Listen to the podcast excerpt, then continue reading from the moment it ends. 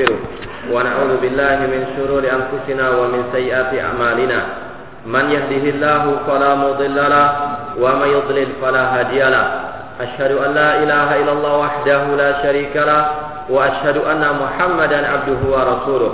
يا أيها الذين آمنوا اتقوا الله حق تقاته ولا تموتن إلا وأنتم مسلمون. يا أيها الناس اتقوا ربكم الذي خلقكم من نفس واحدة وخلق منها زوجها وبث منهما رجالا كثيرا ونساء واتقوا الله الذي تساءلون به والأرحام. إن الله كان عليكم رقيبا. يا أيها الذين آمنوا اتقوا الله وقولوا قولا سديدا. يصلح لكم أعمالكم ويغفر لكم ذنوبكم. ومن يطع الله ورسوله فقد فاز فوزا عظيما. أما بعد فإن أصدق الحديث كتاب الله وخير الهدي هدي محمد صلى الله عليه وسلم وشر الأمور محدثاتها وكل محدثة بدعة وكل بدعة ضلالة وكل ضلالة في النار. Ikhwani fillah rahimani wa rahimakumullah. Kita lanjutkan kembali kajian kitab Al-Furqan baina awliyar rahman wa awliyar syaitan oleh Syekhul Islam Ibn Taimiyah rahimahullah taala. Kita masih dalam pembahasan tentang istighfarnya Nabi sallallahu alaihi wasallam. Bahwasanya Nabi sallallahu sangat banyak beristighfar kepada Allah Subhanahu wa taala meskipun banyak ibadah yang beliau lakukan. Ini semuanya menunjukkan bahwasanya kewalian seorang hamba Allah Subhanahu wa taala ada pada ibadahnya dan ada pada istighfarnya kepada Allah Subhanahu wa taala. Bukan malah meninggalkan ibadah atau berbuat kemaksiatan kemudian berdalil dengan takdir Allah Subhanahu wa taala. Eh Rasulullah SAW banyak beribadah namun beliau juga banyak beristighfar kepada Allah. Di antaranya disebutkan di sini oleh Syekhul Islam Waqad amara Allah subhanahu ibadahu an yaktimul al a'mala salihat bil istighfar. Allah Subhanahu wa taala memerintahkan kepada hamba-hambanya untuk menutup atau mengakhiri amal-amal solehnya dengan istighfar. Banyak sekali amal-amal ibadah yang akhirnya disyariatkan untuk beristighfar bagi orang yang melakukan ibadah tersebut. Fakana Nabi SAW Ida sallama minas salat Yastaghfiru salasan. Dahulu Rasul SAW Apabila selesai salam dari sholat beliau Beliau beristighfar tiga kali. Ini adalah salah satu zikir setelah sholat fardu. Eh, Seperti mungkin tercantum dalam bacaan zikir itu Yang pertama kali adalah istighfar Astagfirullah, astagfirullah, astagfirullah tiga kali. Ya, ini dalam hadis riwayat Muslim disebutkan oleh seorang sahabat Rasulullah SAW yang bernama Sauban. Beliau mengatakan karena Rasulullah SAW tidak insarafa min salatihi istighfar salasan kata Sauban sahabat Rasulullah SAW dahulu Rasulullah SAW apabila selesai sholat fardu beliau beristighfar tiga kali. Dan ini sudah pernah kita jelaskan pada waktu uh, ceramah singkat pada pada taraweh di bulan Ramadan uh, kemarin bahwasanya di antara hikmah istighfarnya Nabi SAW selesai sholat fardu itu untuk menghilangkan segala bentuk kesombongan dalam diri seorang muslim. Karena terkadang setelah orang muslim itu beribadah, terasa seolah-olah dia telah ya mengangkat derajatnya, telah seolah-olah seperti penghuni surga. Ya, maka untuk menghindari perasaan sombong seperti itu, maka Islam pun mengajarkan agar seorang muslim beristighfar selesai sholat fardu atau pada ibadah-ibadah yang lainnya. Karena apa? Meskipun dia telah rajin ibadah, namun masih banyak kekurangan di dalam ibadah tersebut. Baik kurang dalam masalah keikhlasannya, baik kekurangan dalam masalah itibanya kepada sunnah Rasulullah SAW. Mungkin pada awalnya dia bisa ikhlas, namun pada pertengahan dia sholat mungkin ada ya benih-benih ya, ketidakikhlasan atau ria ingin dipuji atau seterusnya. Demikian pula ya mungkin pada awal pertengahannya dia ikhlas namun pada akhirnya mungkin dia ada perasaan ria atau ujub. Demikian pula mungkin selesai sholat ya dia mungkin ingin dipuji oleh manusia. Maka untuk memendam rasa seperti itu diwajibkan atau disunahkan untuk beristighfar. Demikian pula seandainya seorang itu telah ikhlas dalam ibadahnya mungkin ya banyak kekurangan dalam ke, uh, tidak intibaknya kepada sunnah Rasul SAW. Ya, sekarang masalah salat saja. Ya, mulai dari takbiratul ihram sampai salat. Eh, sudahkah betul-betul kita telah paham bagaimana tata cara salat Rasul SAW yang sebenarnya? Sudah pernahkah kita membaca ya bagaimana tata cara salat Rasul SAW dari awal sampai terakhir? Dan apakah setelah kita betul-betul membacanya, betul-betulkah kita amalkan? Ya, sekali lagi seorang muslim harus punya perasaan ibadahnya banyak kekurangan, banyak salah di dalamnya. Maka jangan terlalu menyombongkan. Eh, meskipun dia banyak ibadahnya kepada Allah Subhanahu wa taala. Rasul yang paling banyak ibadahnya, paling ikhlas, paling ittiba kepada syariat Islam. Namun beliau banyak istighfar kepada Allah Subhanahu wa taala, apalagi kita. Di sini beliau menyatakan bahwasanya Rasul selesai sholat fardu istighfar tiga kali. Kemudian melanjutkan dengan zikir Allahumma antas salam wa minkas salam tabarakta zal ya jalali wal ikram. Ini masih dalam kaitan satu ran hadis dari Saubar radhiyallahu anhu selesai, selesai istighfar Rasul mengucapkan zikir tadi Allahumma antas salam minkas salam tabarakta ya zal jalali wal ikram. Ini sudah pernah kita jelaskan. Namun intinya tadi masalah istighfar. Dan ini sebagian saja daripada zikir mungkin bisa dilihat seperti dalam eh, cant, eh, apa, bacaan zikir tersebut itu insya Allah lebih panjang. Namun intinya selama itu dari Rasulullah SAW maka disunahkan untuk kita mengamalkannya. Kama sabata dzalika fil hadis sahih anhu wa qad qala ta'ala wal mustaghfirina bil ashab Demikian pula Allah Subhanahu wa taala mensifati hamba-hambanya yang soleh, yang bertakwa kepadanya. Eh, dalam surat Az-Zariyat dan juga dalam surat Al-Imran ayat 17 Allah menyatakan hamba-hamba Allah itu mereka selesai salat malam, mereka beristighfar. Padahal mereka selesai selesai ibadah. Eh kalau orang berbuat maksiat istighfar lumrah. Namun ini yang lebih istimewa, yaitu orang beribadah setelah itu dia beristighfar. Eh tujuannya tadi untuk memerangi perasaan kesombongan dalam dirinya selesai berbuat ibadah kepada Allah Subhanahu wa taala. Eh sebagaimana Allah firmankan dalam surah Az-Zariyat kalau nggak salah ayat yang ke-20-an itu Allah berfirman Innal muttaqina fi jannati wa uyun. Sesungguhnya orang bertakwa itu di dalam surga dan mereka meminum dari sumber-sumber air di surga Allah Subhanahu wa taala. Kemudian Allah menyebutkan kanu qalilan minal laili ma. Mereka sangat sedikit tidur pada malam hari. Mereka sholat malam, sholat tahajud. Kemudian apa selesai sholat tahajud? Kemudian beliau dikatakan wabil ashari hum Pada waktu sahur sebelum azan ada subuh mereka beristighfar kepada Allah. Padahal mereka bah, selesai beribadah kepada Allah Subhanahu wa taala. Ini ciri hamba-hamba Allah yang beriman dan bertakwa kepada yang selesai ibadah bukan sombong namun beristighfar. Karena banyak ibadah yang belum dia lakukan juga dan juga banyak dosa-dosa yang dia lakukan. Eh, selain dia juga banyak beribadah. Demikian pula apalagi ditimbang antara nikmat Allah dengan ibadah seorang muslim. Eh, masih banyak nikmat Allah Subhanahu wa taala, masih banyak kekurangan ya dalam dirinya, baik dalam masalah ilmu, baik pada ketakwaan, baik dalam masalah ibadah, maka perlu untuk beristighfar. Fa'amarahum an bil lail wa yastaghfiru bil ashar. Allah Subhanahu wa taala memerintahkan kepada hamba-hambanya yang bertakwa untuk berdiri pada malam hari dan untuk beristighfar pada waktu sahur, eh pada waktu sebelum datangnya adzan subuh. Karena ini termasuk di antara waktu-waktu yang mustajab untuk berdoa dan waktu-waktu diampuninya dosa-dosa oleh Allah Subhanahu wa taala. Ya, sebagaimana dalam hadis sahih Rasul bersabda, "Yanzilu Rabbuna tabaraka wa ta'ala ila sama'id dunya kulla thulutsil akhir." Allah Subhanahu wa taala roh kita turun sepertiga malam terakhir ke langit dunia. Kemudian Allah berkata, "Man yad'uni fa astajibalah." Barang siapa yang berdoa kepada aku pada waktu itu pada waktu sahur, ya, maka aku akan maka aku akan mengabulkan doanya. Wa man yastaghfiruni fa aghfirlah dan barang siapa mohon ampun kepadaku, aku akan mengampuninya. Maka inilah waktu-waktu yang selayaknya seorang muslim betul-betul memperhatikannya untuk berdoa kepada Allah, untuk beribadah kepada Allah, untuk beristighfar kepada Allah Subhanahu wa taala, merenungkan dosa-dosanya selama pagi sampai dia mau tidur. Ya, seorang muslim ada waktu-waktu sebagaimana dilakukan oleh para ulama salaf terdahulu mereka membagi, membagi waktu malam mereka untuk pertama murajaatul ilmi untuk ya mengulang ilmu kembali membaca dan juga menghafalkan misalnya.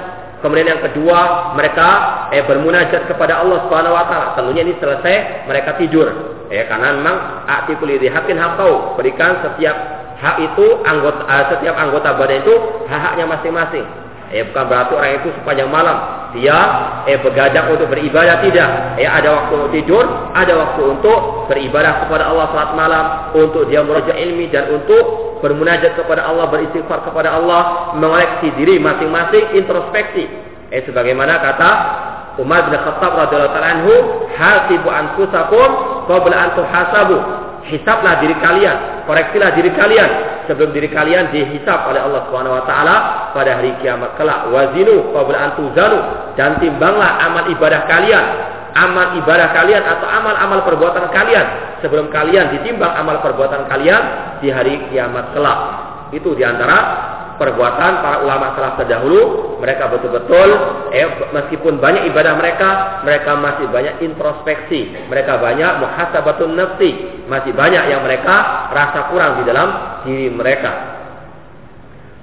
Wa kadzalika khatama muzammil wa hiya suratu qiyamil lail. Bi qaulihi ta'ala wastaghfirullaha innallaha ghafurur rahim. Demikian pula dalam surat al-muzammil pada akhir surat itu Allah Subhanahu wa taala mensifati Nabi SAW dengan sholat malam. Pada waktu sepertiga malam pertama atau pada waktu uh, pertengahan malam atau pada waktu sepertiga malam terakhir Rasul SAW sholat malam ya. Kemudian setelah itu Allah memerintahkan wastaghfiru. Mohonlah ampun kalian kepada Allah Subhanahu wa taala sesungguhnya Allah Maha mengampuni lagi Maha penyayang. Ini yang diperintahkan oleh Allah Subhanahu wa taala, bukan malah sombong, bukan malah meninggalkan ibadah, ya, dengan mengatakan saya telah sampai kepada tingkatan makrifat, tidak perlu untuk ibadah, ya, mengalahkan Rasul sallallahu alaihi wasallam, menganggap dirinya lebih mulia daripada Rasul SAW. Rasul beribadah dan juga Rasul banyak beristighfar kepada Allah Subhanahu wa taala. Eh, bahkan Rasul dikatakan Allah taala, "Wa'bud rabbaka hatta ya'tiyakal yakin." beribadahlah kepada Allah sampai datangnya keyakinan. Maksud keyakinan di sini kata ulama tafsir adalah al-maut, kematian. Eh, setelah itu baru tidak ada ibadah. Eh, adapun selama manusia masih punya roh, ya masih hidup, kewajibannya beribadah kepada Allah Subhanahu Wa Taala. Eh, maka dusta orang-orang mengatakan telah sampai tingkatan makrifat, kemudian mereka meninggalkan ibadah kepada Allah. Ini hanya sekedar ya penipuan kepada para pengikut mereka agar mereka bisa berbuat semau hawa nafsu mereka tanpa diingkari oleh para pengikutnya. Kemudian wa kadzalika fi suratul hajj Eh kalau tadi selesai sholat fardu atau selesai sholat malam dianjurkan untuk istighfar untuk menghilangkan kesombongan dalam diri seorang muslim selesai beribadah. Demikian pula selesai ibadah haji yang merupakan ibadah al-maliyah wal ibadah badaniyah. Eh kata ulama ibadah haji adalah ibadah badan dan ibadah eh harta. Eh karena memang haji membutuhkan harta dan juga membutuhkan eh, tenaga dan anggota badan ya ini adalah ibadah yang mulia maka juga perlu untuk istighfar. Karena apa? Banyak manusia yang masih kurang ikhlasnya dalam beribadah kepada Allah dalam masalah urusan haji. Ya tidak mau berhaji kecuali setelah ya akan mendapatkan gelar hajinya dan seterusnya. Atau ingin mendapatkan gelar tersebut ingin dipandang oleh manusia. Maka perlu untuk banyak beristighfar kepada Allah Subhanahu wa taala. Wa kadzalika suratil hajj. Demikian pula Allah berfirman tentang masalah eh haji dalam surat Al-Baqarah ayat 198 sampai 199, "Fa idza afaqtum min Arafatin fadhkurullaha indal mas'alil haram." Ya, apabila kalian bertolak dari Arafat, maka berzikirlah kepada Allah di sisi Al-Mas'alil Haram. Eh kata ulama Al-Mas'alil Haram itu bukit di Hulaifah. Ya, namun ini semuanya kalau yang mampu untuk naik ke sana ya sudah naik ke sana berzikir kepada Allah di kala mabit di Musdalifah. Kalau tidak, eh maka fattaqullaha mastata'tum.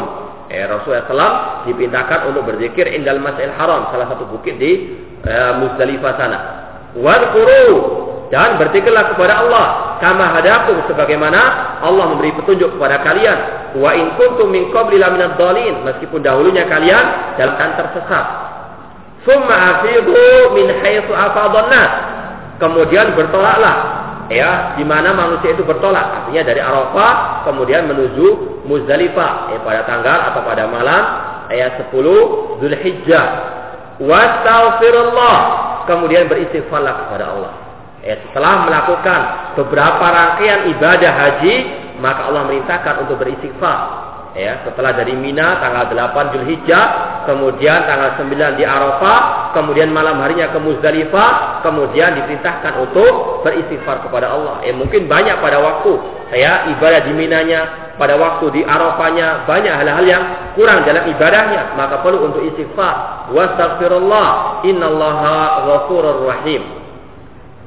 Kemudian kalau itu masalah haji sekarang yang berikutnya Bal anzala subhanahu wa ta'ala fi akhiril amr lama ghaza Nabi sallallahu ghazwat Tabuk wa hiya akhiru ghazawatihi. Eh bahkan Allah Subhanahu wa taala meneruskan pada akhir hayatnya Rasulullah sallallahu alaihi wasallam. Eh setelah beliau eh berperang di perang Tabuk eh dan itu merupakan uh, terakhir daripada perangnya Nabi sallallahu alaihi wasallam. Eh perang perang, uh, perang Tabuk merupakan akhir daripada perangnya Nabi sallallahu alaihi wasallam Allah memerintahkan kepada beliau untuk beristighfar. Ya, telah banyak Rasul SAW ya menaklukkan ya orang-orang kafir sampai penaklukan kota Mekah. Banyak jasa-jasa Rasul SAW dalam mengembangkan Islam, dalam menyebarkan Islam. Dan meskipun demikian Allah tetap memerintahkan beliau untuk beristighfar kepadanya. Ini bukan hanya kepada beliau saja, namun juga kepada manusia. Bagaimanapun ibadahnya manusia, perlu banyak istighfar kepada Allah Subhanahu wa taala. Allah berfirman dalam surat At-Taubah ayat 117 sampai 118, "Laqad taballahu 'alan nabiyyi wal muhajirin wal ansar alladziina tabauhu fi sa'atil usra min ba'di ma kada yazihu qulubu fariqin minhum." Sungguh Allah telah menerima tobat ya nabinya dan kaum muhajirin dan kaum al-ansar yang mereka mengikuti Nabi SAW pada waktu yang sangat susah, itu pada waktu perang Tabuk. Eh dikala Nabi SAW dalam keadaan paceklik dan para sahabatnya, eh sampai ketika mereka pergi ke medan jihad ke perang Tabuk, sebagai mereka tidak mendapatkan perbekalan, sampai-sampai mereka hanya eh, uh, mengisap dari eh, airnya. Biji kurma bukan buah kurmanya. Biji kurmanya diisap oleh mereka ya agar tidak kelaparan Eh, bagaimana mereka berjuang di jalan Allah sampai demikian keadaan mereka? Ya, mereka banyak berjasa berjuang ya untuk menegakkan agama Allah meskipun demikian mereka banyak beristighfar kepada Allah Subhanahu wa taala. Allah berfirman dan sungguh Allah telah menerima tobat eh, nabinya dan kaum muhajir dan kaum ansar yang mengikuti beliau pada waktu yang sangat susah eh setelah sebagian ya hati-hati eh, sebagian mereka itu berpaling dari jihad. Summa taba alaihim kemudian Allah menerima tobat mereka. Innahu bihim raufur rahim. Sesungguhnya Allah yang Maha Pengasih lagi Maha Penyayang kepada mereka.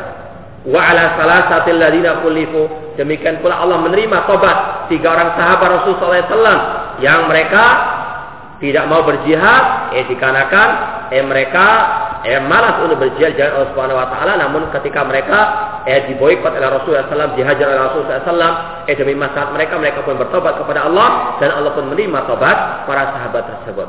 Inilah keadaan para sahabat. Ketika berbuat maksiat mereka bertobat. Ketika mereka berbuat ibadah juga mereka beristighfar kepada Allah Subhanahu wa taala. Eh bukan seperti orang-orang yang malas beribadah kemudian beralasan dengan takdir.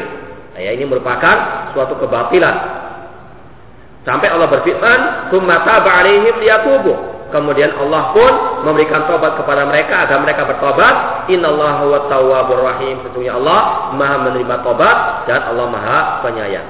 Wa hiya akhir nazal minal Qur'an. Dan dikatakan ini merupakan yang terakhir daripada turunnya Al-Qur'an tentang masalah tobatnya kaum ya uh, kaum uh, tiga kaum dari kalangan uh, para sahabat Rasulullah SAW yang meninggalkan perang Tabuk. Kemudian waqila inna akhir suratin nazar qaulu ta'ala. Ya, kemudian ada juga pendapat dari para ulama tafsir yang mengatakan bahwasanya akhir surat di dalam Al-Qur'an yang turun kepada Nabi SAW adalah surat An-Nasr. Ya, idza nasrullahi wal fath. Apabila datang pertolongan Allah dan kemenangan dan penaklukan, wa ra'aitan nasa yadkhuluna fi dinillahi afwaja. Dan engkau mendapatkan manusia masuk ke dalam agama Allah secara ya serentak Maka apa? Perintah Allah fasabbih bihamdi rabbika wastaghfir. Maka sucikanlah Allah dengan memujinya dan beristighfarlah kepadanya. Ya, meskipun Rasul SAW telah sukses dalam ya memasukkan sebagian manusia atau kebanyakan manusia terutama pada penaklukan kota Mekah, mereka masuk ke dalam Islam eh secara sukarela tanpa ada paksaan dari Rasulullah SAW. Eh sukses Rasulullah SAW dalam berdakwah. Meskipun demikian, Allah merintahkan kepada beliau untuk bertasbih kepada Allah, untuk mengingatkan bahwasanya itu semuanya adalah nikmat dan karunia dari Allah Subhanahu wa taala, bukan semata-mata karena kekuatan, karena kepintaran kepada Nabi sallallahu alaihi wasallam. Ya, semuanya ada taufik dan hidayah dari Allah Subhanahu wa taala. Laisa 'alaika hudahu walakin Allah yahdi man yasha. Eh hidayah bukan di tanganmu namun Allah yang memberikan hidayah kepada siapa yang dia kehendaki. Fasabbih bihamdi rabbika bertasbihlah, sucikanlah Allah dengan memuji Rabbmu, eh wastaghfir dan beristighfarlah kepada Allah Subhanahu wa taala. Eh bagaimanapun ibadahnya seseorang masih banyak kekurangannya. Jangankan kita Nabi SAW setelah banyak beribadah kepada Allah, setelah banyak sukses dalam peperangan-peperangan beliau, namun diperintahkan untuk beristighfar kepada Allah Subhanahu wa taala karena masih banyak kekurangan di dalam ibadahnya seorang manusia. Bagaimanapun ibadahnya, bagaimanapun kedudukannya, Ya, sekali lagi ini semuanya untuk memerangi sifat kesombongan dalam diri seorang manusia. Yang pertama dia bisa beribadah karena Allah Subhanahu wa taala, bukan karena kekuatannya, karena hidayah dari Allah, karena pertolongan dari Allah Subhanahu wa taala. Allahumma a'inni ala zikrika wa syukrika wa husni ibadatik iyyaka na'budu wa iyyaka nasta'in. Ya, selalu digandengkan ia karena berdua ia karena sa'in karena tidak akan mungkin seorang hamba bisa beribadah kecuali dengan i'anah pertolongan dari Allah Subhanahu wa taala. Maka fasabbih bihamdika, bertasbihlah kepada Allah dengan memuji Rabbmu dan istighfar. Ya. Sebelum beribadah minta pertolongan kepada Allah, selesai beribadah beristighfar kepada selalu ingat kepada Allah Subhanahu wa taala. Inilah hidupnya seorang seorang muslim, ya. Selalu ingat kepada Allah dan inilah di antara unwan sa'adah eh, di antara tanda-tanda kebahagiaan seorang muslim di dunia maupun di akhirat sebagaimana yang dikatakan oleh Syekhul Islam Muhammad bin Abdul Wahab rahimahullah dalam kitab beliau Al-Qawaidul Arba beliau mengatakan di antara tiga poin penting untuk meraih kebahagiaan di dunia maupun di akhirat yaitu ida uqtiya syakara apabila diberi diberi nikmat oleh Allah dia bersyukur. Eh, di antara nikmat Allah kita bisa beribadah kepadanya. Di antara nikmat Allah kita bisa belajar ilmu agama paham tentang ilmu agama nikmat Allah kita bersyukur kepada Allah Subhanahu wa taala dengan istiqomah di atas talabul ilmi Eh, kemudian kata beliau, ida ubtuliya sabara. Eh, apabila diberi dia bersyukur, apabila diberi ujian dia bersabar, wa ida adnaba istighfara. Dan apabila berbuat dosa, beristighfar kepada Allah Subhanahu wa taala.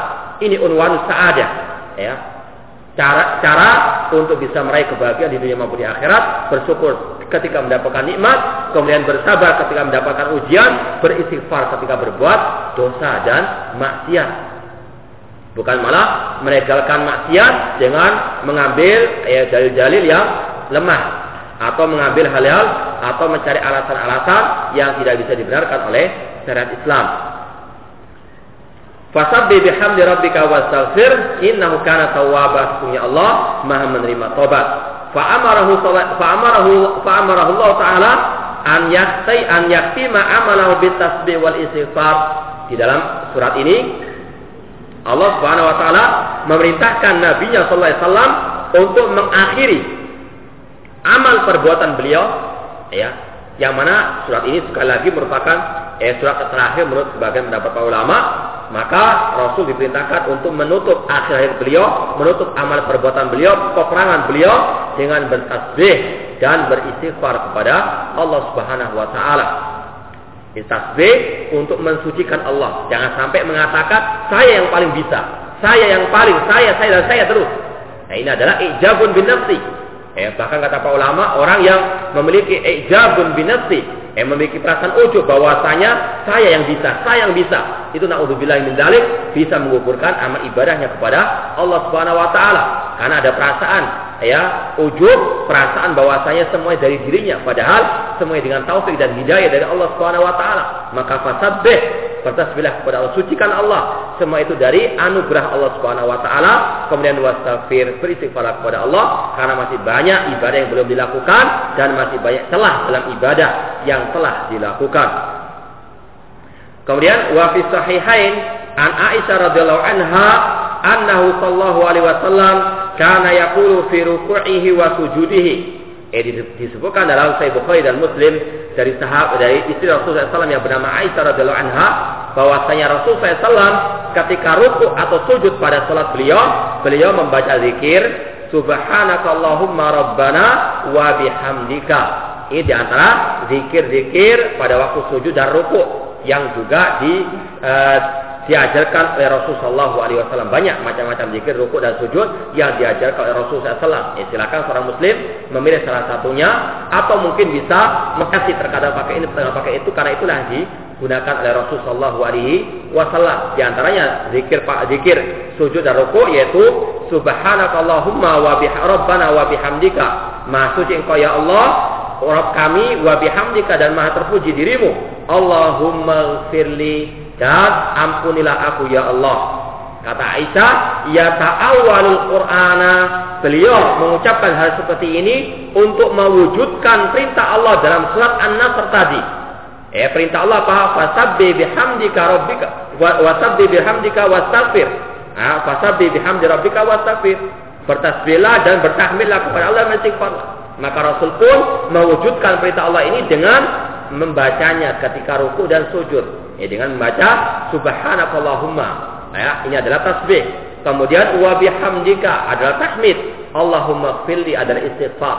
Ini adalah perintah Allah Subhanahu wa taala kepada Nabi SAW dan direalisasikan diwujudkan oleh Nabi SAW pada waktu doa, ruku dan sujud. Eh begitulah Nabi Shallallahu alaihi wasallam selalu mengamalkan mengerjakan perintah Allah Subhanahu wa taala. Dan demikian pula beliau banyak beristighfar meskipun banyak beribadah kepada Allah Subhanahu wa taala. Wa fi sahihain demikian pula dalam Sahih Bukhari dan Muslim dari Nabi SAW annahu kana yaqul. Nabi SAW pernah berdoa Allahumma fili khati'ati wa jahli wa israfi fi amri wa ma anta a'lamu bihi minni. Ya Allah ampunilah aku Ya, ampunilah kesalahanku, ampunilah kejahilanku, kebodohanku, wa israfi dan keekstriman diriku dalam ya, perkara-perkaraku, wa ma anta alamu dan apa yang engkau ketahui tentang diriku yang aku tidak mengetahuinya. Allahumma filli hazli wa jiddi. Ya Allah ampunilah ya hazli eh, eh sendaguraku wa jiddi dan keseriusanku wa khata'i wa amdi kekhilafanku dan kesengajaanku. Wa kullu ini semuanya ada pada diriku. Inilah pernyataan seorang muslim di hadapan Allah Subhanahu wa taala bahwasanya dirinya penuh dengan dosa eh dalam semua ucapannya dalam sendaguronya atau dalam keseriusannya atau dalam hal-hal yang mungkin dirasa dia itu tahu padahal dia tidak tahu. Ya dirasa itu adalah suatu hal yang mubah padahal itu adalah dosa. Eh minta ampun kepada Allah Subhanahu wa taala kullu dzalika indi semua itu adalah eh, semua itu ada pada diri. Ini pengakuan Nabi SAW di hadapan Allah. Yang mana Allah telah mengampuni dosa beliau. Ya. Namun beliau masih banyak beristighfar kepada Allah Subhanahu wa taala. Apalagi kita. Allahumma fil lima qaddamtu wa ma Ya Allah ampunilah dosaku yang telah lalu apa pun yang akan datang. Ya wa ma asratu wa ma a'lantu apa yang aku rahasiakan atau apa yang telah aku nampakkan. Ya ampun ya wahai ya Allah dosa-dosaku tersebut. La ilaha illa anta. Tidak ada semuanya hak kecuali engkau ya Allah. Ini semuanya adalah ya kebiasaan Nabi SAW untuk beristighfar dalam doa beliau, dalam zikir beliau, dalam setiap beliau selesai beribadah kepada Allah Subhanahu wa taala. Kemudian juga wa sahihain Anna Abu Bakrin As-Siddiq radhiyallahu anhu qala, "Ya Rasulullah, alimni du'aan ad'u bihi fi salati." Pernah suatu saat Abu Bakar As-Siddiq radhiyallahu anhu berkata kepada Rasul "Wahai Rasulullah, ajarkan kepadaku suatu doa yang aku ingin berdoa dengannya pada waktu salatku." Faqal, maka Rasul SAW mengajarkan kepada beliau, "Kul, katakanlah, Allahumma inni zalamtu nafsi dzulman katsira wa la yaghfiru dzunuba illa anta. Katakanlah wahai Abu Bakar Siddiq, Allahumma inni inni zalamtu nafsi dzulman katsira. Ya Allah, sesungguhnya aku telah mendolimi diriku dengan kezaliman yang sangat banyak. Wa la yaghfiru dzunuba illa anta dan tidak ada yang bisa mengampuni dosa kecuali Engkau. Faghfirli maghfiratan min indik. Maka ampunilah aku dengan pengampunan yang ada di sisimu. Warhamni. Dan rahmatilah diriku. Innaka antal ghafurur rahim. Maha pengampun lagi maha penyayang. Ini di antara zikir yang dianjurkan untuk dibaca pada waktu seorang muslim mau mengucapkan salam. Di antara tasawuf akhir dengan salam merupakan salah satu eh, tempat untuk di ya digunakan untuk berdoa dan insya Allah mustajab doa di sana. Di antara tasawuf akhir dengan salam ada doa-doa yang diajarkan oleh Rasulullah SAW. Di antaranya doa yang diajarkan oleh beliau kepada Abu Bakar Siddiq. Allahumma ini dalam tunafsi duman kathira wa la yaghfiru dzunuba illa anta faghfirli maghfiratan min indik warhamni innaka antal ghafurur rahim. Ini merupakan doa sekali lagi yang dianjurkan oleh Rasul kepada kita semuanya bukan hanya kepada Abu Bakar Siddiq. Kalau Abu Bakar Siddiq saja yang dijamin masuk surga, eh diperintahkan oleh Rasul SAW untuk mengucapkan zikir seperti ini, apalagi kita Eh, maka sekali lagi para muslim wajib untuk terus introspeksi diri dan wajib meyakini masih banyak kekurangan dalam ibadahnya dan masih banyak dosa yang dia lakukan yang perlu dia banyak beristighfar kepada Allah. Entah selesai ibadah, entah pada waktu dia melaksanakan ibadah ya sholat seperti ini atau pada waktu dia yang memiliki waktu-waktu yang senggang untuk dia betul-betul banyak beristighfar kepada Allah Subhanahu wa taala. Kemudian wa sunan an Abi Bakar radhiyallahu anhu di dalam eh, kitab-kitab sunan seperti sunan uh, di sini disebutkan Imam uh, Tirmidzi, Abu Dawud, Nasai dan yang lainnya. Dari Abu Bakar radhiyallahu anhu qala ya Rasulullah alimni du'aan ad'u bihi idza asbahtu wa idza amsaitu. Ini juga dari Abu Abu Bakar Siddiq beliau mengatakan wahai Rasulullah ajarkan kepadaku sebuah doa yang aku akan berdoa dengannya pada waktu pagi dan petang hari kalau tadi Rasul SAW mengajarkan kepada beliau doa pada waktu sholat, sekarang doa pada waktu pagi dan petang hari. Dan inilah sekali lagi hidupnya seorang muslim. Hidupnya seorang muslim itu berzikir, berdoa kepada Allah Subhanahu wa taala. Fadkuruni azkurkum waskuruni wala takfurun. Eh berzikirlah kepada aku, mengingatlah diriku. Aku pasti akan mengingat dirimu. Eh kalau kita mengingat Allah pasti Allah ingat kepada kepada kita. Bisara iwa darra. Eh dikala susah atau dikala kita mendapatkan kelapangan. Ya hidupnya seorang muslim berzikir kepada Allah. Eh mulai sejak dia bangun tidur sampai dia mau tidur kembali penuh dengan zikir kepada Allah. Dan itulah wasiat Rasulullah SAW ketika seorang sahabat yang meminta kepada Rasul sebuah wasiat. Eh maka Rasul mewasiatinya dengan mengatakan la yazalu lisanuka rabban min zikrillah. Hendaklah senantiasa dirimu membasahi lisanmu dengan berzikir kepada Allah. Hendaklah lisanmu selalu basah dengan zikir kepada Allah Subhanahu wa taala yaitu utama zikir-zikir yang diajarkan oleh Rasul Shallallahu Alaihi Wasallam. Eh, hidupnya seorang Muslim itu berzikir kepada Allah Subhanahu Wa Taala. Eh, di sini Abu Bakar Siddiq meminta untuk diajarkan zikir atau doa pagi dan petang hari. Kemudian Rasul SAW mengatakan, Kul katakanlah Abu Bakar, Allahumma fatir samawati wal ardi, alimal ghaibi was syahada, rabba kulli syai' wa malika, Ashhadu an la ilaha illa anta a'udzu bika min min syarri nafsi wa min syarri syaitani wa syirkihi wa an aktarifa ala nafsi su'an au ajurrahu ila muslim. Yang artinya ya Allah, fatir samawati wal ard, pencipta langit dan bumi, alimul ghaibi was syahada, yang mengetahui yang gaib maupun yang nampak. Rabb kulli syai'in wa malika, Rabb segala sesuatu dan penguasa, raja segala sesuatu. Aku bersaksi tidak ada sembahan yang hak kecuali Anta, kecuali Engkau ya Allah. Kemudian a'udzubika min syarri nafsi. Aku berlindung kepadamu ya Allah dari kejelekan diriku. Ini juga merupakan pengakuan seorang muslim akan kekurangan dirinya. Eh dirinya tidak maksum daripada kesalahan. Eh tidak ada orang yang maksum dari kesalahan. Eh kulubani Adam khata ya. Setiap manusia pasti apa? Punya kesalahan. Ya. Siapa pun juga, ya. Siapa pun juga. A'udzubika min syarri nafsi. Aku berlindung kepadamu ya Allah dari kejelekan diriku. Wa min syarri syaitan wa syirki dan dari kejahatan atau kejelekan syaitan dan sekutu-sekutunya. An aktarifa ala nafsi su'a. Aku berlindung kepadamu untuk aku berbuat eh, kejelekan dalam diriku atau aku eh, menelantarkan atau aku memasukkan seorang muslim kepada kejelekan tersebut. Ya, seorang muslim harus betul-betul beristiazah, meminta perlindungan kepada Allah Subhanahu wa taala, jangan merasa aman daripada godaan syaitan, jangan merasa aman dari an-nafsul ammaratu bisu, jiwa yang menyeru kepada kejelekan. Ya sudah pernah kita sampaikan, jiwa manusia ada tiga, an-nafsul mutmainnah, jiwa yang tenang dengan ibadah kepada Allah. Ya ayatuhan nafsul mutmainnah. Ini adalah jiwa yang betul-betul tenang dengan keimanan. Ada pula jiwa yang al-ammar bisu, jiwa yang selalu menyuruh kepada kejelekan. Maka manusia, seorang muslim disunahkan untuk berdoa kepada Allah agar dilindungi daripada kejelekan diri tersebut, dari kejelekan al-ammar an-nafsul ammar bisu. Ya, dan yang ketiga, jiwa yang al-lawwama, jiwa yang selalu mencela, mencela perbuatan baik dan juga terkadang mencela perbuatan yang jelek. Ini adalah sunnahnya Rasulullah SAW yaitu zikir pagi dan petang hari. Dan masih banyak zikir-zikir pagi dan petang hari yang selayaknya bagi seorang muslim untuk diamalkan. Ya karena itu merupakan perisai merupakan senjata bagi seorang muslim terutama dari godaan-godaan syaitan dari gangguan-gangguan al-jin. Eh, misalnya ayat kursi misalnya. Eh, Rasul SAW mengatakan man qalaha hina yusbih ujira minajibni hatta yumsiyah Ya, apabila orang itu membaca ayat kursi pada pagi hari, maka Allah akan menjaganya, melindunginya dari gangguan jin sampai sore harinya. Wa wa idza qalaha idza yumsiya ujira minhu hatta yusbih. Dan apabila mengucapkannya pada sore hari, dilindungi sampai pagi harinya. 24 jam dalam penjagaan Allah hanya sekedar membaca ayat kursi dua kali pagi dan dan petang hari. Eh, hadis riwayat Al Hakim dan disahihkan oleh para ulama.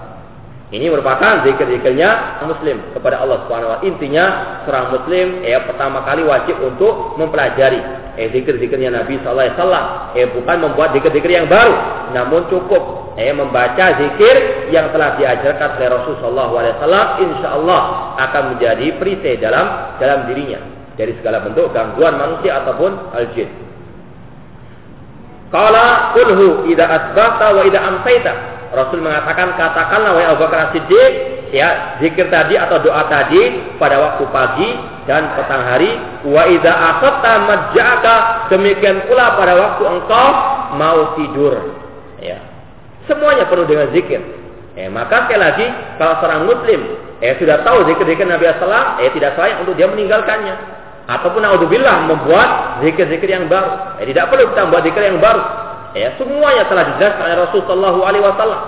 Dan banyak sekali pintu-pintu kebid'ahan yang masuk dalam masalah masalah zikir. Eh tentang masalah bilangannya. Eh baca selawat naria 4444 kali. Eh dari mana ajarannya dari Nabi Shallallahu alaihi wasallam? Ya, sudah lafadznya tidak ada ajarannya, bilangannya juga tidak ada ajarannya. Ya, dulu matun ba'du batin kegelapan di atas kegelapan. Eh, cukup seorang muslim yang mengamalkan zikir apa yang mau di eh, dibaca semua yang telah diajarkan oleh Nabi SAW. Eh dari A sampai sudah ada. Eh tinggal kita apa? Mengamalkannya. Namun itulah seorang muslim terkadang ya mengikuti ajaran-ajaran sesat sehingga eh meninggalkan ajaran Nabi Shallallahu Alaihi Wasallam. Dan itu adalah sunnatullah. Kalau orang itu juga suka, ya sudah suka bid'ah, maka tidak akan suka sunnah tidak akan mungkin bersatu antara kecintaan kepada sunnah dengan kecintaan kepada kepada bid'ah. Kalau dia suka zikir-zikir yang bid'ah, maka banyak zikir-zikir Nabi SAW yang dia lalaikan. Ya, maka seorang muslim wajib untuk menjadikan Rasul sebagai suri toladan. Bukan hanya masalah akhlak, namun juga masalah zikir kepada Allah Subhanahu wa taala.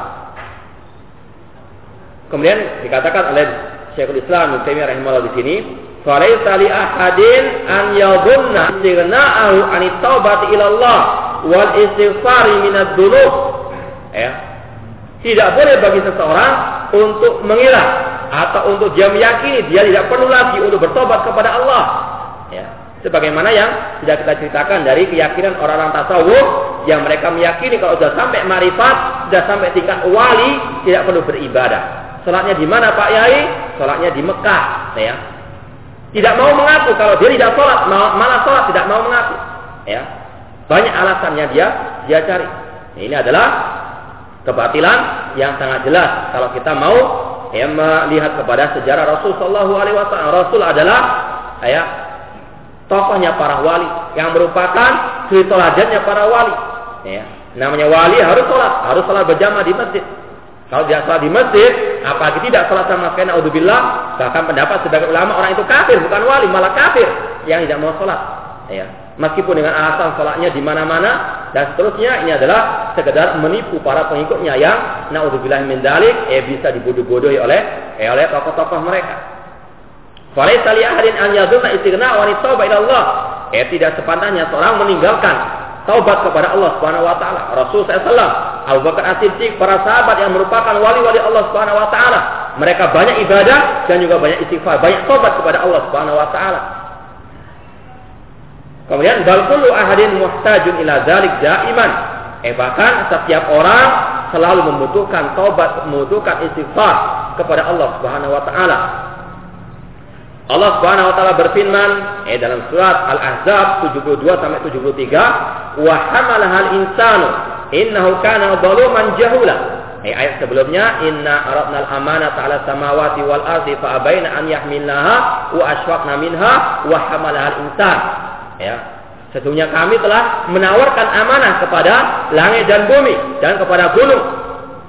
Mereka semua enggan untuk menerimanya karena berat amanah yang Allah kepada mereka. Namun hamalah insan, manusia yang menerima amanah tersebut, innahu kana zaluman jahula. Padahal manusia asalnya tabiatnya itu zalum, banyak berbuat kezaliman, wajahul dan sangat jahil. Ini asalnya manusia. Asal manusia itu zalim, banyak berbuat kezaliman. Illa marahimallah, kecuali yang dirahmati Allah Subhanahu wa taala. Dan asalnya manusia itu adalah jahulan, ini sangat bodoh eh maka perlu belajar eh dan perlu banyak beristighfar kepada Allah Subhanahu wa taala. Eh bukan malah meninggalkan istighfar, bukan malah sombong, eh bukan mengatakan saya wali, saya sudah sampai tingkat makrifat, engkau masih tingkat syariat. Naudzubillah min dzalik. Ini adalah kesombongan yang hampir menyamai kesombongannya iblis rahmatullahi alaihi. Liyu'adziballahu al-munafiqina wal munafiqati wal musyrikina wal musyrikat wal musyrikat wa 'alal mu'minina wal mu'minat ya agar Allah menyiksa orang-orang munafikin dan munafikat ya yang laki atau yang perempuan orang musyrik yang laki maupun perempuan dan Allah menerima tobat. Orang-orang yang beriman dan yang mukminat laki dan perempuan wa kana Allahu ghafurur rahima. Dan Allah Maha Pengampun lagi Maha Penyayang. Kemudian dikatakan di sini fal insanu zalimun jahilun. Ya asalnya manusia itu zalim dan jahil Wa ghayatul mu'minin wal mu'minat at-taubatu. Maka akhir usaha orang-orang beriman adalah bertobat kepada Allah. Setelah berusaha beramal ibadah, kemudian terakhirnya bertobat kepada Allah Subhanahu wa taala.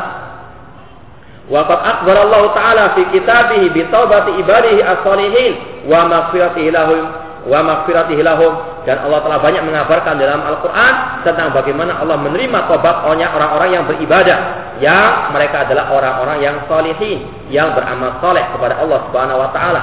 Ya mereka setelah beribadah apakah mereka sombong? Tidak. Mereka adalah orang yang takut. Jangan sampai ibadahnya tidak diterima oleh Allah taala. Maka mereka pun banyak beristighfar. Mereka pun berdoa kepada Allah. Rabbana taqabbal minna innaka antas sami'ud du'a. Atau innaka sami'ul uh, innaka mujibu da'awat misalnya ini merupakan uh, kebiasaan orang-orang yang beriman beristighfar entah ketika berbuat maksiat atau ketika selesai beribadah mereka selalu eh beristighfar kepada Allah Subhanahu wa taala Kemudian disebutkan di sini wasabata fi sahih. Eh disebutkan dalam Sahih Al-Bukhari ani Nabi sallallahu annahu qala lam ahadun al-jannata bi amalihi. Kata Nabi SAW, tidak akan mungkin seorang pun dari kalian bisa masuk surga hanya dengan perbuatannya, dengan amal ibadahnya. Lalu para sahabat bertanya, wala anta ya Rasulullah, apakah engkau juga demikian wahai Rasulullah? Qala wala ana. Demikian pula aku. Illa an yataghammadani Allah bi rahmatin minhu wa fadl. Akan tetapi Allah Subhanahu wa taala meliputiku dengan rahmat dan keutamaannya. Inilah pengakuan ya seorang muslim bahwasanya dia tidak akan mungkin bisa masuk surga kecuali dengan ibadah kepada itu kecuali dengan rahmat dari Allah Subhanahu wa taala. Demikian pula dia tidak akan mungkin bisa beribadah kepada Allah kecuali dengan rahmat dan keutamaan dari Allah Subhanahu wa taala. Bukan semata-mata karena kekuatannya, bukan karena akalnya, bukan karena kecerdasannya. Namun semuanya hidayah dan taufik dari Allah Subhanahu wa taala.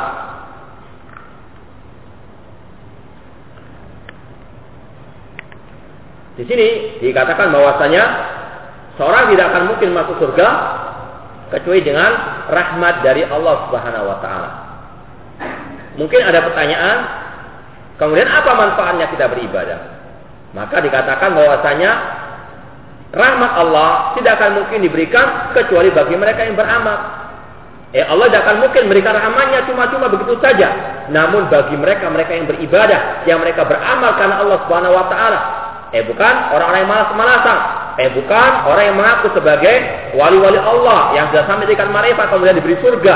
Tidak, semuanya masuk surga dengan rahmat Allah dan rahmat Allah bisa diperoleh hanya dengan ibadah kepada Allah Subhanahu wa taala. Ya. Oleh karena itulah Allah banyak berfirman dalam Al-Qur'an, "Kulu wasrabu hani'an bima aslaftum fil ayyamil khaliyah." Makan dan minumlah di surga eh dengan lezat karena sebab ya amal yang kalian lakukan pada waktu kalian di dunia. Jadi dikatakan masuk surga karena rahmat Allah. Di sini masuk surga karena eh amal ibadahnya manusia. Bagaimana menggabungkannya, menjamakkannya? Dikatakan bahwasanya awal orang itu masuk surga karena rahmat dari Allah. Dan rahmat Allah ini dengan sebab orang itu beribadah kepada Allah. Ya, karena Allah tidak akan mungkin menyamakan antara orang yang malas ibadah dengan orang yang rajin ibadah. La yastawiyani abadah tidak akan mungkin sama. Ya, Allah Maha Adil menempatkan sesuatu pada tempatnya. Ya, memberikan rahmatnya kepada orang yang berhak mendapatkannya dan menghalangi rahmatnya dari orang yang tidak berhak mendapatkannya. Makanya banyak dari dalam Al-Quran cara-cara untuk kita bisa mendapatkan rahmat dari Allah Subhanahu Wa Taala. Misalnya Allah berfirman, wa ati Allah wa ati Rasulah la'allakum turhamun. Taatilah Allah dan Rasulnya agar kalian dirahmati oleh Allah Subhanahu Wa Taala. Ada caranya, bukan begitu saja Allah memberikan rahmatnya. Namun yang mau taat kepada Allah dan Rasulnya, mau mengamalkan perintah Allah dan Rasulnya, meninggalkan larangan Allah dan Rasulnya Sallallahu Alaihi Wasallam. Allah juga berfirman, wa rahmati wasi'at kulla syai' fas'aktubuha lilladina. Rahmatku meliputi segala sesuatu dan aku akan memberikannya kepada orang-orang yang bertakwa. Bukan begitu saja. Demikian pula Nabi mengatakan, "Irhamu man fil ardi yarhamkun man fis sama." Kasihinilah makhluk yang ada di atas muka bumi ini, zat yang di langit akan merahmati kalian. Kalau manusia di muka bumi ini merahmati makhluk yang ada di atas muka bumi ini, Allah pasti akan merahmatinya. Contohnya, ya, dalam eh, dalam hadis Nabi SAW dikisahkan seorang wanita yang penuh dengan dosa, seorang wanita pelacur, ya, masuk surga dikarenakan rahmatnya kepada seekor binatang, seekor hewan yaitu anjing Ya, dia melihat seekor anjing yang kehausan, dia memiliki rasa rahmat kepadanya, maka dia pun memberikan minuman, maka Allah pun merahmati dirinya dikarenakan dia merahmati binatang yang ada di atas muka bumi. Irhamu man fil ardi yarhamkum man fis sama. Ya, kasih inilah makhluk yang ada di atas muka bumi ini, zat yang di atas langit akan merahmati kalian. Inilah Islam ya, yang penuh dengan rahmat lil alamin. Eh bukan agama terorisme yang tidak ada rahmat kepada kepada manusia ya. Yang ada adalah pertumpahan darah, yang adalah pengurusakan tanpa ada rahmat dari Allah Subhanahu wa taala. Maka bagaimana Allah akan merahmati mereka di dunia maupun di akhirat? Nauzubillah min dzalik. Kulu wasrabu hani'an bima aslaftum fil ayyamil khaliyah. Makan dan minumlah eh dengan lezat dikarenakan perbuatan kalian pada waktu di dunia. Surat Al-Haqqah ayat 24. Fa inna Rasul sallallahu nafa ba'al muqabalati wal mu'ajalati di sini dijelaskan oleh beliau ini masalah nahu. Rasul mengatakan tidak akan masuk surga salah seorang di antara kalian hanya karena amalnya. Artinya apa? Amal ibadah itu bukan seperti uh, uang yang membeli surga, ya. Seperti antara penjual dan pembeli. Ya, bukan seperti itu. Karena amalnya manusia tidak sebanding dengan surganya Allah Subhanahu wa taala. Ya, maka dikatakan amalnya manusia itu tidak bisa masukkannya ke dalam surga Allah Subhanahu wa taala. Yang bisa masukkan seorang hamba kepada surganya adalah rahmat Allah Subhanahu wa taala. Eh, yang dinafikan, ditolak oleh Nabi SAW itu adalah alba al muqabalah, yaitu seperti jual beli, ya, membeli barang dengan dengan uang, bukan seperti itu antara amal dengan surga Allah Subhanahu wa taala. Amalnya manusia bagaimanapun banyaknya belum bisa membeli surganya Allah Subhanahu wa taala. Namun orang itu bisa masuk surga karena rahmat Allah Subhanahu wa taala dan rahmat Allah itu diberikan kepada orang-orang yang mau amal, amal soleh yang ikhlas dan sesuai dengan sunnahnya Rasulullah alaihi wasallam. Wal Quran asbata ba'as sabab dan Al Quran dalam ayat tadi mengatakan bahwasanya bima aslaftum kalian bisa masuk surga dengan sebab ada sebabnya, namun bukan sebab utama. Ya, sebab mendapatkan rahmat Allah adalah amal ibadahnya manusia. Jadi tidak ada pertentangan antara ayat dengan hadis Rasulullah SAW. Rahmat Allah merupakan kunci utama bisa masuk surga, namun kunci utama ini tidak akan mungkin bisa diraih kecuali dengan al-amal al-ibadah. Kemudian wa qawlu man qala idza ahabba Allah abadan lam tadurrahu dzunub. Ma'nahu anna idza ahabba abadan alhamahu at-taubatu at-taubata wal istighfar falam yusar ala dzunub. Adapun kalau ada orang mengatakan apabila Allah mencintai suatu eh, apabila Allah mencintai seseorang hamba maka dosanya tidak berpengaruh kepadanya atau tidak mem memadarkan dirinya. Apa maksud ucapan ini? Apakah ucapan ini seperti yang diucapkan oleh orang-orang tasawuf apabila orang itu menjadi wali, ya tidak ada istilah halal haram, semuanya halal. Ya tidak ada namanya zina halal, haram tidak ada, semuanya halal. Ya komer semuanya halal. Eh bukan itu maksudnya. Kalau ada seorang ulama mengatakan ucapan, apabila Allah mencintai seorang hamba, maka tidak akan bermadarat dosa-dosanya. Maksudnya adalah Apabila Allah mencintai seorang hamba, maka Allah akan mengilhamkan kepada dirinya at-taubah ya sehingga ketika dia berbuat dosa langsung diiringi dengan dengan tobat. Maka dosanya pun diampuni oleh Allah Subhanahu wa taala. Bukan maksudnya ketika Allah mencintai seorang seorang manusia kemudian dibiarkan berbuat dosa dosa tidak. Namun kalau Allah cinta kepadanya Allah akan berikan petunjuk kepadanya untuk bertobat kepadanya sehingga dihapuskanlah dosa-dosanya oleh Allah Subhanahu wa taala. Itu maksud daripada ucapan kalau ada orang ulama mengatakan apabila Allah cinta kepada orang hamba tidak akan memadrotkan dosa-dosanya. Artinya Allah akan memberikan ya tobat kepadanya sehingga dia bisa bertobat kepada Allah. Wa man dhanna anna dzurub la tadur min man asarra 'alaiha fa huwa dhalun mukhalifun lil kitab wa sunnah. Eh barang siapa yang mengira bahwasanya dosa-dosa itu tidak mempengaruhi orang yang berbuat yang selalu berkecimpung dengan dosa tersebut maka orang itu dolun sesat mukhalifun kita wa sunnah yang menyelisih Al-Quran dan Sunnah. Kenapa? Jika orang beriman ketika berbuat dosa, zakarullah wastaghfaru lidunubihim. Ya beristighfar, mengingat ya adab Allah Subhanahu wa taala. Eh bukan malah mengatakan eh orang itu wali, gak ada masalah kalau dia berbuat dosa, bahkan diberi gelar-gelar, eh katakan pahlawan dan seterusnya. Naudzubillah min dzalik. Ini adalah suatu yang dol, sesat, mukhalifun lil kitab wa sunnah, menyelisih Al-Qur'an dan As-Sunnah wa ijma'i salaf wal a'immah menyelisih ijma'nya para ulama salaf dan imam-imam kaum muslimin. Bal man ya'mal misqala dzarratin khairan yarah bahkan barang siapa yang beramal meskipun seberat biji sawi kebaikan dia akan melihatnya di akhirat. Demikian pula sebaliknya kalau dia mengamalkan perbuatan yang jelek meskipun seberat biji sawi dia akan melihatnya. Dia akan mendapatkan balasannya di sisi Allah Subhanahu wa taala. Saya rasa cukup sekian. Insyaallah kita lanjutkan pada pertemuan yang datang. Wa hudawana alhamdulillahi alamin. Wassalamualaikum warahmatullahi wabarakatuh.